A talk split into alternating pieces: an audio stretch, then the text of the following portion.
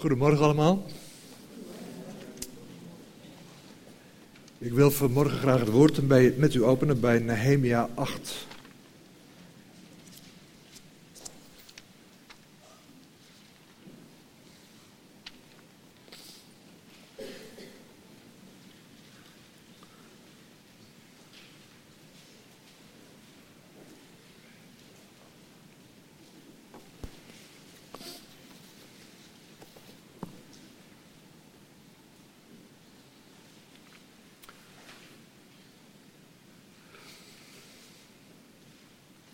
Nehemia 8 en het lezen vanaf het eerste vers.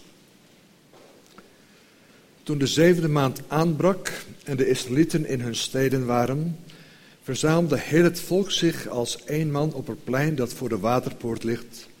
En ze zeiden tegen Ezra, de schriftgeleerde, dat hij het boek moest brengen met de wet van Mozes, die de Heere Israël had geboden.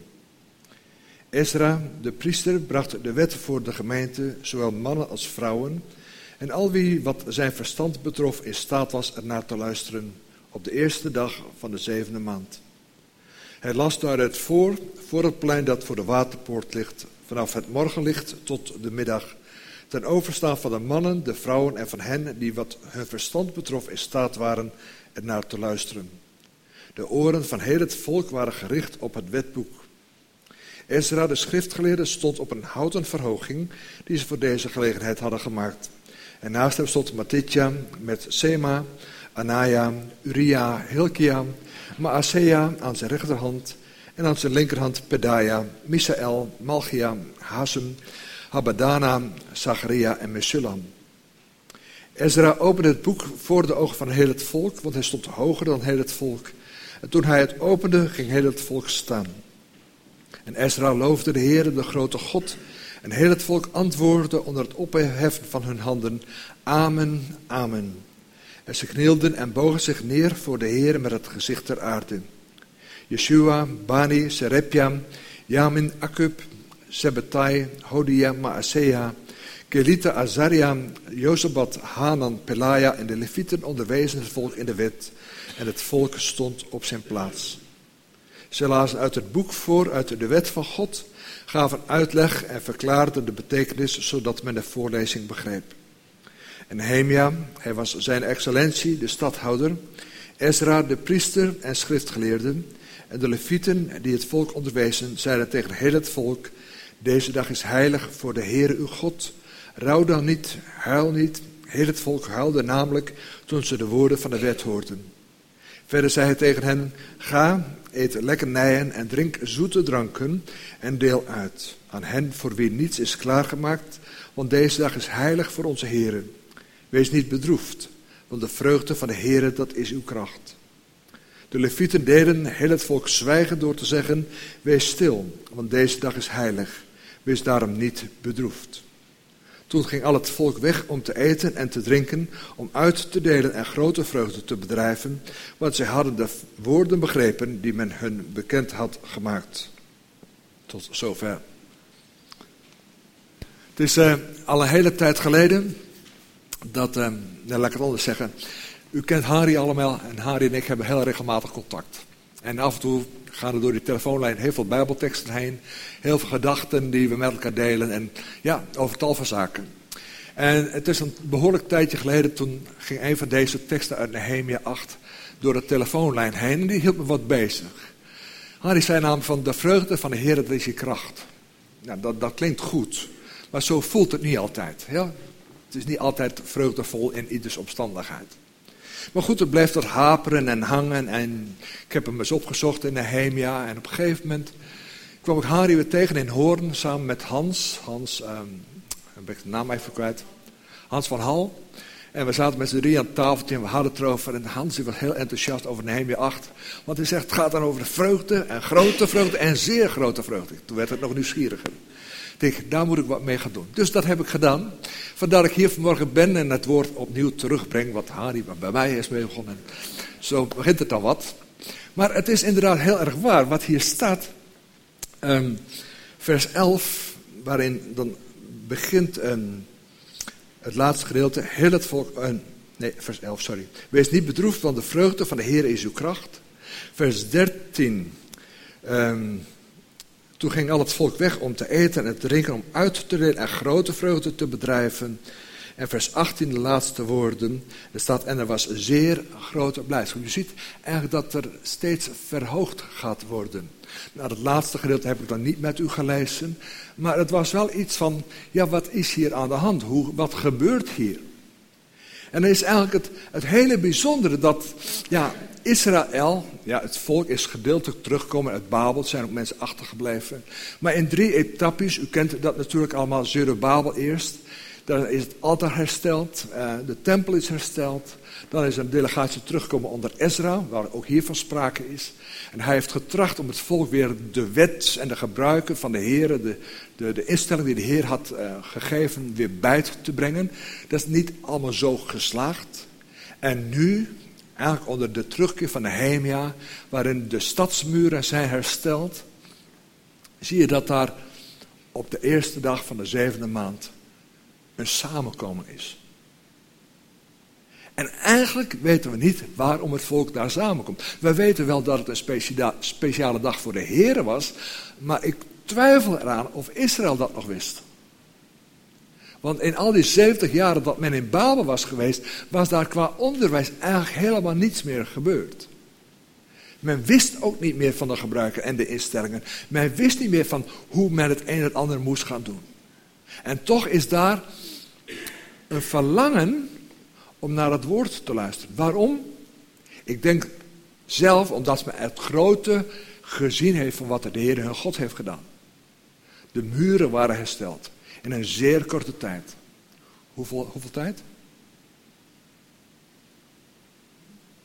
De Bijbel is heel erg precies hoor. 52 dagen. Nou, en als je dan die muren ziet, ik weet niet hoe ze kapot ze waren, maar daar is wel wat gebeurd. En ondertussen waren daar niet de hulptroepen van buitenaf, maar de vijanden van buitenaf. Dus in de ene hand hadden ze de speer, in de andere hand de troffel. En voor ene om te bewaken en de andere kant eigenlijk om te bouwen. En zo ging men door. En dan in 52 dagen is die muur hersteld. En ik denk dat daar iets gebeurd is, dat ze dat hebben gezien van hoe groot is onze God. Nou, u gaat volgende week ook iets terugkijken over 40 jaar. Dat is, zal dan nog veel langere dienst geworden dan bij Nehemia. Maar ja, nee, maar ik bedoel 40 jaar of 52 dagen, zit wel wat ruimte tussen. Maar als zij dan al samen gaan komen, ik zeg nogmaals, ik weet niet waarom, maar wel dat er iets is gebeurd, dat er een verlangen ontstaat. Toch is die eerste dag van de zevende maand niet zomaar iets. De eerste dag van de zevende maand is namelijk de eerste dag van een feestmaand. De eerste dag waarop, en dat we ook in dit gedeelte, waarop er een rustdag moet zijn, een dag voor de Heren. Je leest in Leviticus 23, nummer 29 volgens mij. Maar dan staat er ook dat het een dag is voor de Heer waarin aan hem geofferd moet gaan worden. Waarin hij geprezen moet gaan worden. En waarin hij eigenlijk het centrum is van heel het gebeuren van Israël. Toch wordt er hier helemaal geen sprake van gedaan. Wordt niet genoemd. Waarom? Ik denk dat het niet bekend was. En toch, door de dingen die ze gezien hebben, is daar een verlangen en een verlangen naar dat woord. De eerste dag van de zevende maand. Het wordt de dag van het geklank genoemd. De dag van het klank van de bezuin. En dan komt het bij ons al een beetje binnen. U hebt volgende week feest op 1 maart. Waarom is het volgende week 1 maart? Volgende week zondag. Domme vraag, hè? Geef ook gewoon de dom antwoord. U moet gewoon zeggen, het staat op de kalender. Want anders kunnen we niet bedenken. Maar wanneer was het de eerste van de zevende maand. Dat wist men nooit precies. Ook de eerste van de zesde maand niet, of de wat voor maand dan ook. Men wist dat niet exact, want dat ging altijd bij het zichtbaar worden van de nieuwe maan. En er kon best eens een beetje ruimte tussen zitten. Of, of een dag eerder of een dag later. Dat was nooit exact te bepalen. Pas wanneer dat ene kleine streepje weer aan het firmament kwam. ging de bazuin klinken en werd de nieuwe maand ingeluid. En hier dan die bezuin ging klinken, omdat er een rustdag was voor de Heer. Bij het klank van die bezuin, die op de eerste van de zevende maand moest gaan klinken. En dat is ook, ja, eschatologisch is dat natuurlijk zo waar. Van wij weten niet exact wanneer de Heer Jezus terug gaat komen. Maar we zien alles, dat alles daar klaar voor is. Dat er een wereldgebeuren is wat steeds meer in duisternis gaat lezen, eh, leven. Dat er steeds meer angst gekomen. We hebben iets gehoord ook van Jaco over, over het coronavirus. Zijn voor mij ook allemaal dingetjes waarvan ik zeg van...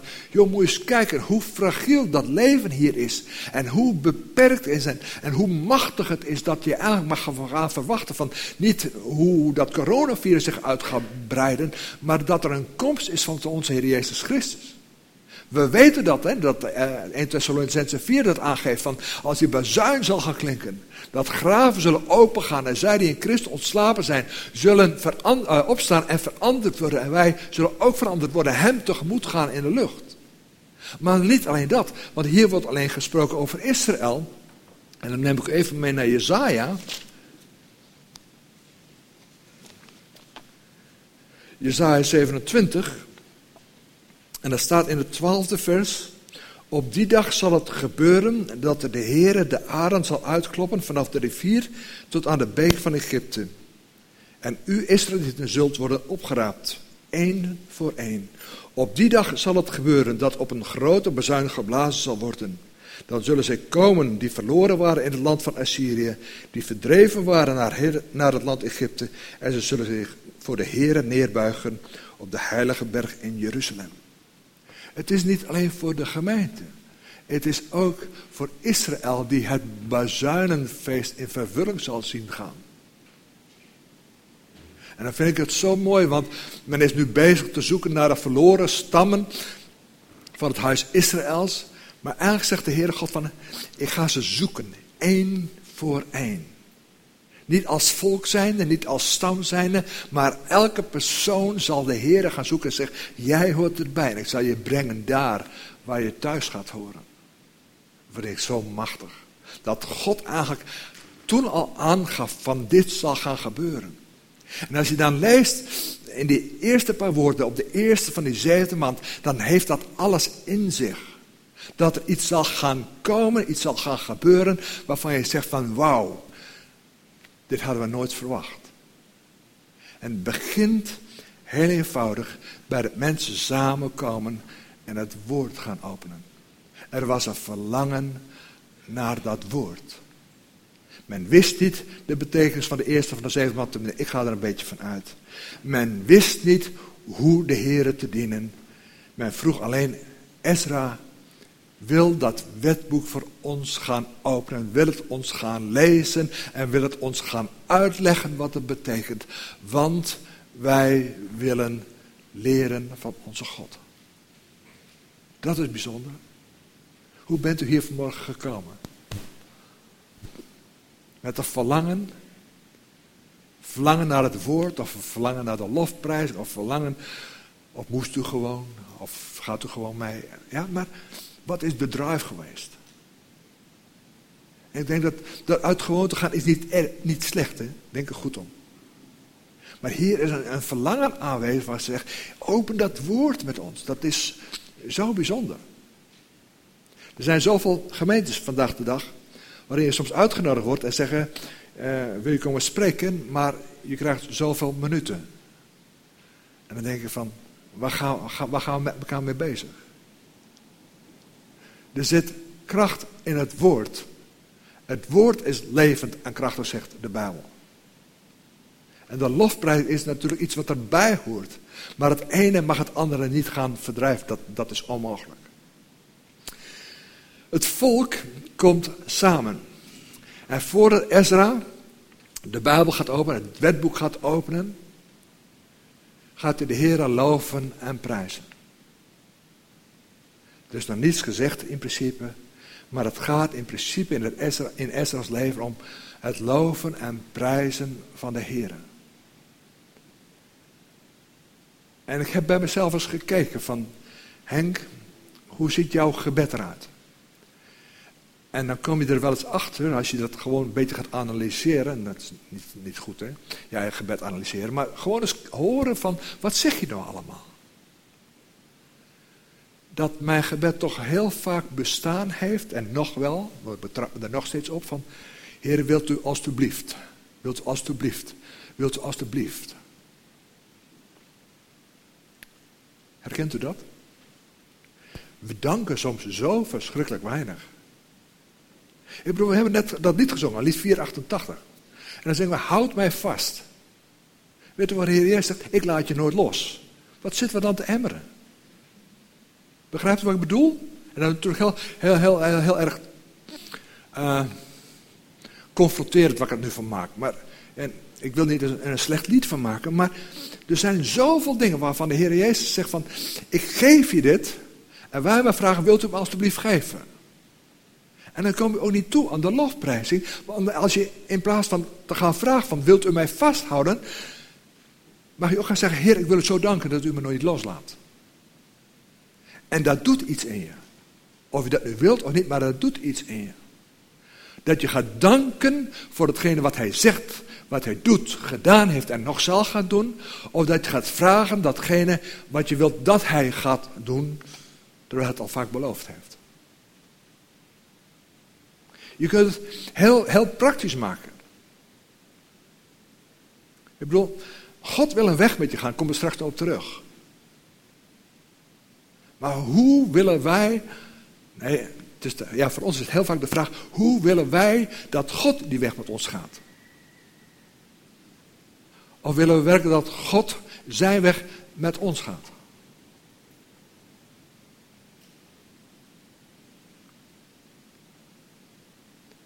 Dus een lied, en misschien interpreteer ik dat verkeerd. Ik zing er niet mee, als u het wil zingen vind ik prima. Maar zegen mij. Mijn Bijbel zegt dat wij met alle geestelijke rijkdom gezegend zijn in de hemelse gewesten. Kan niks meer bij. Kan echt niks meer bij. Dat ik het nog niet volledig ken is een ander verhaal. Maar hij heeft mij gezegend met alles waarmee ik gezegend kan worden. Bijzonder hè? En dan zie je dat wanneer Ezra gaat loven en prijzen, dat het volk dat gaat bevestigen in het amen. Zeggen, ja, amen is bevestigen, dat is waar. En op het moment dat het woord dan geopend gaat worden, zo bijzonder gaat heel het volk staan. Ik heb het nog nooit gezien. Wel met liederen, hele mooie liederen, aanbiddingsliederen. Ik heb het gezien met hele mooie melodieën en slechte teksten, dat mensen gaan staan. Maar ik heb het nog nooit gezien als het woord open gaat. En nu wil ik niet gaan zeggen dat u dat moet gaan doen. En denk er goed om. Maar dan wordt het een kunstje. Maar het heeft iets te maken met eerbied voor dat woord. Het de heiligheid van het woord. Iets wat je ook bij onze broers en zusters treft in, in, in, in vervolgde landen waar men eigenlijk niet een woord mag bezitten en heel vaak niet bezit. Maar wanneer ze dan een woord in handen krijgen dat dat eigenlijk zo heilig voor hen is, ze zullen het ook nooit even op de grond neerleggen, want het is het woord van God. Het is niet zomaar een Bijbel, nee, het is het woord van God. En dat is voor hen een heiligdom.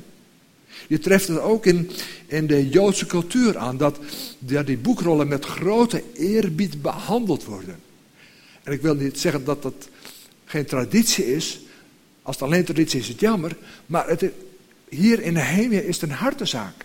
En bij onze broers en zusters in vervolgde gebied is het een hartezaak van... Het is Gods woord wat je met heiligheid moet behandelen. Met heiligheid moet gaan lezen. Want God wil iets zeggen tegen u, tegen jou. God wil je een weg wijzen vanuit de plaats waar je nu bent, de plaats waar je zit, tot aan zijn komst. Of dat wij hier op aarde mogen sterven. God wil iets zeggen. En ik hoop dat hij dat woord, die heiligheid voor ons heeft. Niet zomaar de Bijbel, maar heren, het is uw woord waarin u ons uw weg wil leren, waarin wij mogen gaan. En dan zie je dat er grote dingen gaan gebeuren. Dat, dat het volk gaat staan, dat, dat daar een samenkomst is waarin Ezra niet aan tijd gebonden is, maar waarin van dat eerste prille morgenlicht tot in de middag gewoon gaat lezen en de levieten en sommige namen werden genoemd die hem ondersteunen in het uitleggen van het woord. Er was geen zonderschool, want iedereen kon het begrijpen. Bijzonder hè? Wat doen wij dan verkeerd? Dat we overal. Ik zeg niet dat zonderschool verkeerd is. Maar het moet dus op een of andere manier zo eenvoudig zijn. dat ook degenen die hun normale verstand kunnen gebruiken. het kunnen begrijpen. En of er al vijfjarigen of tienjarigen zijn geweest, dat staat er niet bij. Maar u begrijpt het. En heel het volk heeft ontzag.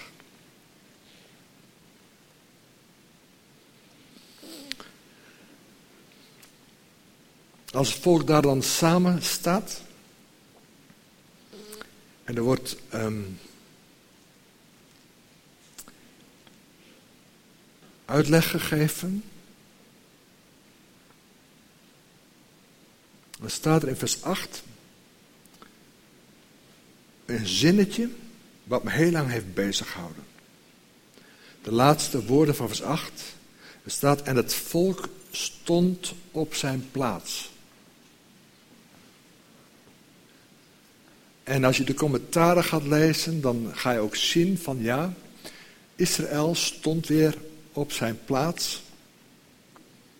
In Israël, want het was niet bedoeld voor Babel. Het zijn allemaal hele mooie gedachten. Maar ze staan daar als volk op dat plein voor die waterpoort.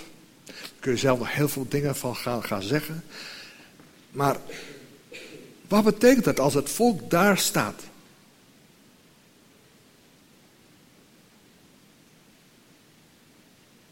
Ik bedoel, ik ben zelf altijd een gemeentefreak geweest. En ik vond het altijd verschrikkelijk jammer als mensen niet meer gingen komen. En ik heb ook heel vaak gezegd, eigenlijk hoor je daar wel te zijn. En dat geloof ik nog steeds. En als mensen dan binnenkomen, u hier, bent u hier op uw plaats. Is dat hetgene wat de Bijbel bedoelt? Dat, dat de Joden, de Israëlieten, weer in Israël waren dat ze, en ze stonden op hun plaats. Dan had er ik ook gestaan van, en ze waren op hun plaats, maar ze stonden op hun plaats. Het gaat niet alleen om het staan, maar het gaat om de positie die je in gaat nemen. Waar gaat het om? Waar gaat het vanmorgen bij u om? Gaat het om de liederen, de mooie begeleiding, waar je gewoon van kunt genieten, een stukje muzikaliteit, doet mij wat. Vind heerlijk.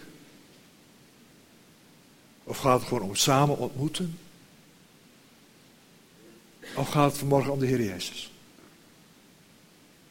Gaat het in uw leven om Hem, of toch meer om datgene wat Hij voor u moet gaan doen? Want dat komt namelijk in dit gedeelte zo nadrukkelijk naar voren.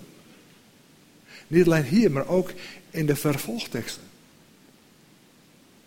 Want op het moment dat er, dat er hier gaat staan, uh, in vers 11,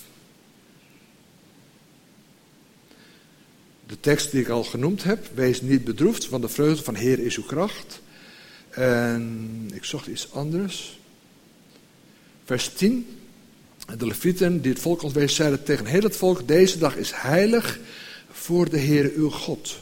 Rouw er niet en huil niet. Heel het volk huilde namelijk toen ze de woorden van de wet hoorden. Ik weet niet wat ik zou gaan doen als u hier vanmorgen in huilen uit, zou gaan barsten.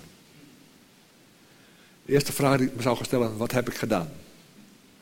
Wat heb ik fout gedaan? Ja. De tweede vraag zou kunnen zijn van, Heren, wat wilt u hiermee zeggen? Maar ik zou nooit zeggen van, hou maar op het huilen. Dat zou ik nooit zeggen. Waarom niet? Omdat het denk ik goed is dat wanneer mensen tot, tot, tot een bepaalde ontlading gaan komen, ja, dat dat gewoon oké is. Maar hier was dat schijnbaar niet oké. Heel het volk hoorde die woorden van de wet en ze barsten in huilen uit. Wat is er dan gebeurd? Dat wordt niet benoemd. Maar ik kan me niet anders voorstellen dat ze iets geproefd hebben van de heiligheid van God en van hun eigen zondige leven. Dat ze daar in een rouwproces komen en zeggen van, o Heere God, wie zijn wij? Ja, wat hebben wij u aangedaan? Wat zijn wij verschrikkelijk smerig en, en zeg het maar, noem het maar op.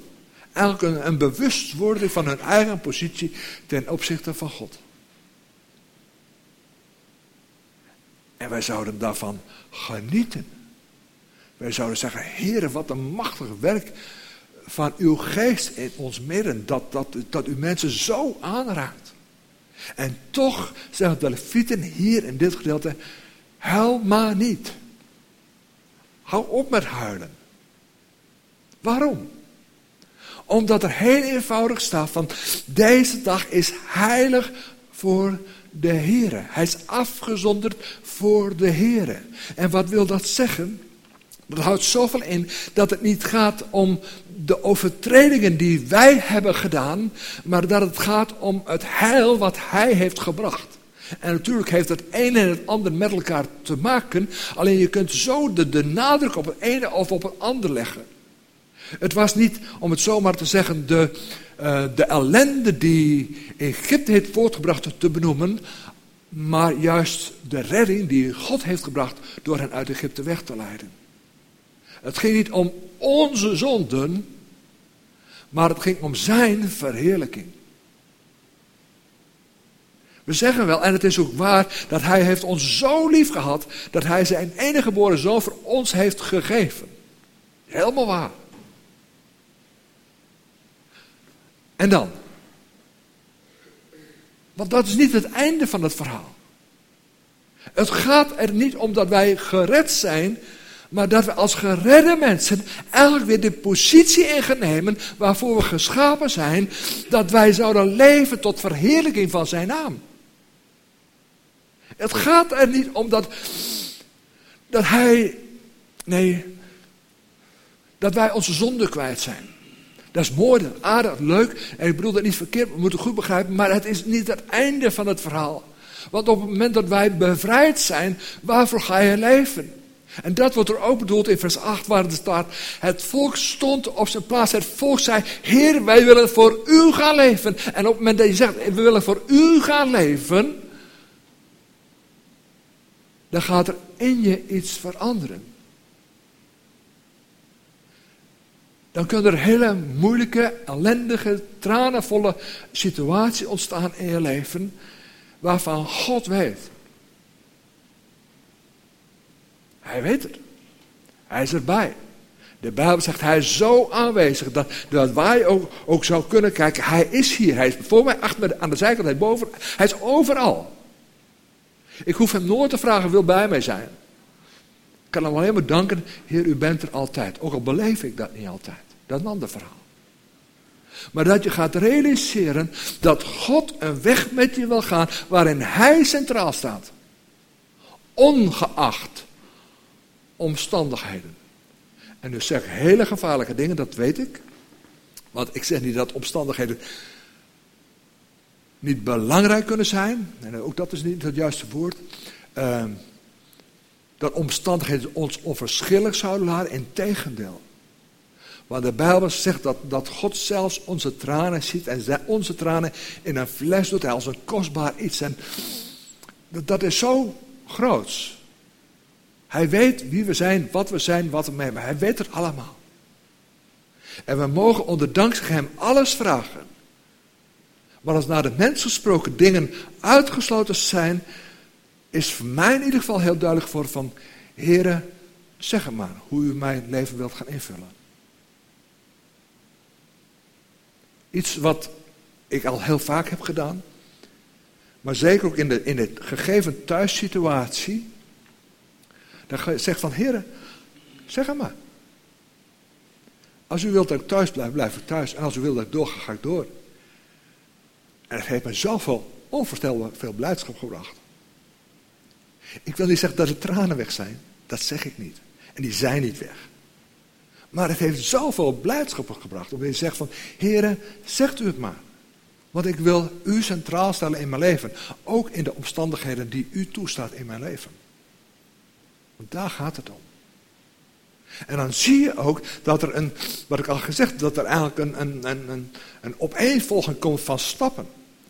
Dus dat het woord open gaat en dat het woord aangezegd, het is voor de Heer. Het gaat niet om, om onze zonden, ook niet om onze vergeven zonden, maar uiteindelijk om de eer en de glorie die hem toekomt, waar eigenlijk Esther al mee begint met de lofprijzing, de dank en de ere. En de Bijbel staat er vol mee. Dat, dat, dat God altijd aanwezig is, dat hij alomtegenwoordig is, dat hij alwetend is, dat hij wijs is, dat hij... Ga maar door. De Bijbel staat er vol mee. En dat ons leven daarom mag gaan draaien. Een leerproces waarin Hij ons wil gaan leren. Maar dan, dan zien we ook dat in dat voor die heren zijn, juist op deze feestdag, dan staat er.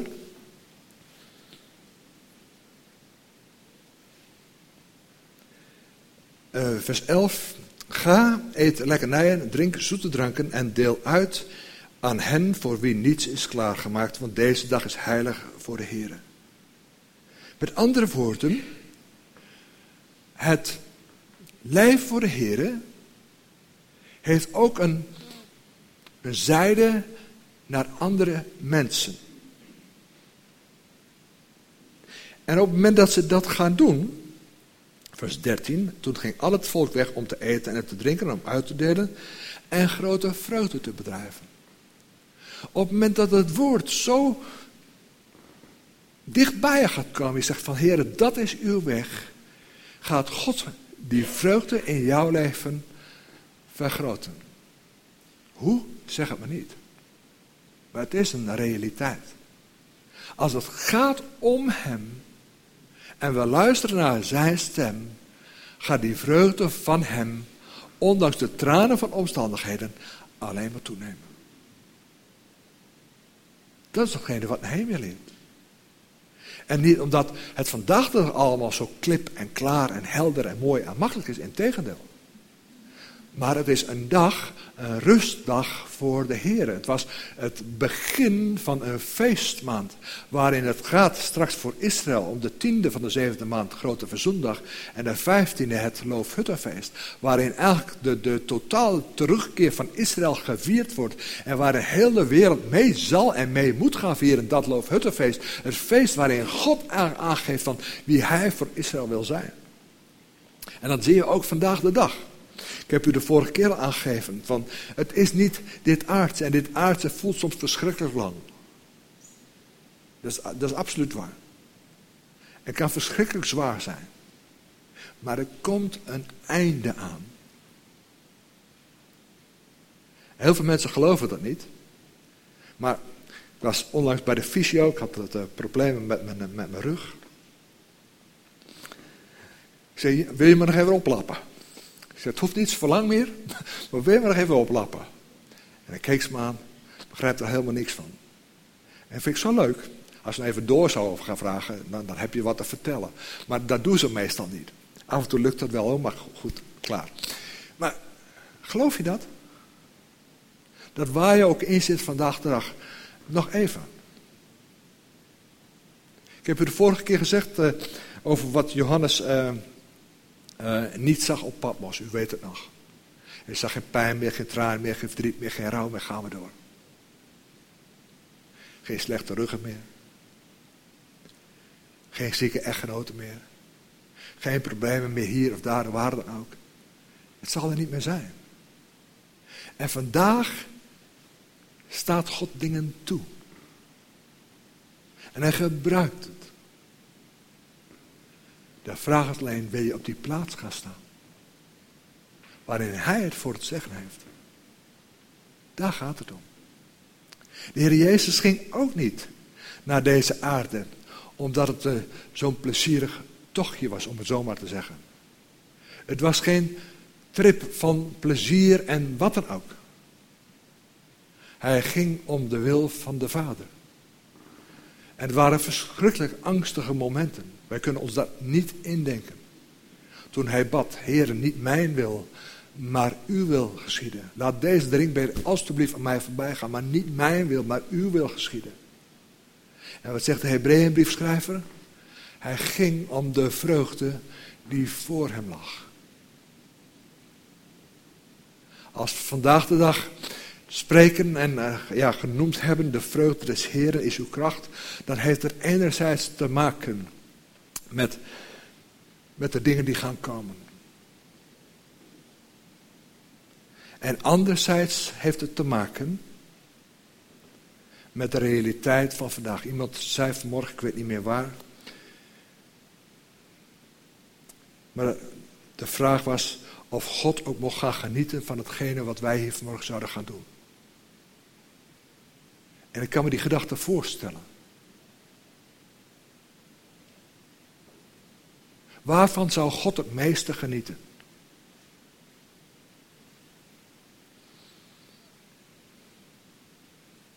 Als wij Hem gaan geven waarvoor Hij ons gemaakt heeft.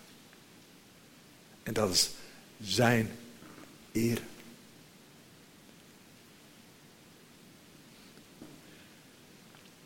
Waarvan giet u het meeste van uw kinderen of van uw echtgenoot? Dat zij het meeste genieten van datgene wat ik hun kan geven. Het zijn soms hele kleine dingetjes. Ik heb het nooit vaak gedaan, ik was er te zuinig voor. Maar ik nam onlangs weer een bosje bloemen voor mijn vrouw mee. En dan geniet ze zo. En dat vind ik zo leuk.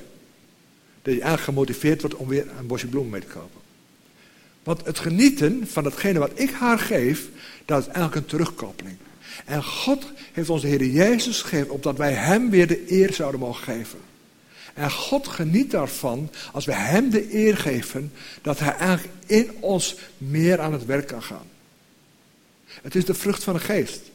En de vrucht van de geest is liefde, blijdschap. Toch? Vrede en dan nog een aantal dingen.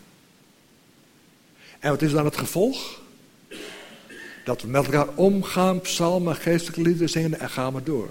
Maar Colossense 3 vers 16 zegt, wanneer we het woord openen, dat dezelfde gevolgen daar zijn. Het woord en de geest werken hand in hand om daar te komen dat, dat we gaan beseffen dat de plaats waar God ons gesteld heeft, heilig is voor de Heer. Dat het gaat om Hem. En dat Hij in zijn goedheid ons nabij wil zijn, maar in zijn nabijheid dat Hij ons een plaats bewijst van wil leven voor mij. Want dan gaat die vreugde werkelijk tot uiting komen. En de ene dag misschien meer dan de andere dag, het zou allemaal kunnen. Maar het begint bij een verlangen naar het woord. Een verlangen om te zeggen, Heere, wijs mij uw weg. En als hij die weg gaat wijzen, dan zeggen, het is uw weg. En ik wil gaan, waar dan ook heen. En dan hoop ik gewoon dat u enorm mag gaan genieten van de dingen die Hij gegeven heeft. En dat Hij mag gaan genieten van uw genieten van de dingen die Hij ons heeft laten gebeuren.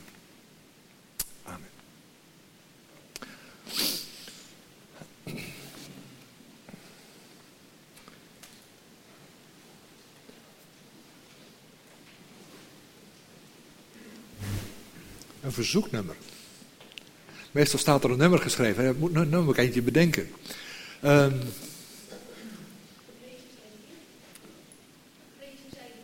geprezen zij de Heer. Dat is 42, dacht ik, of niet?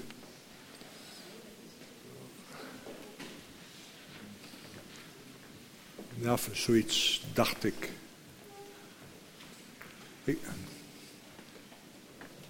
De muzikanten weten dat vast. Geprezen de Heer.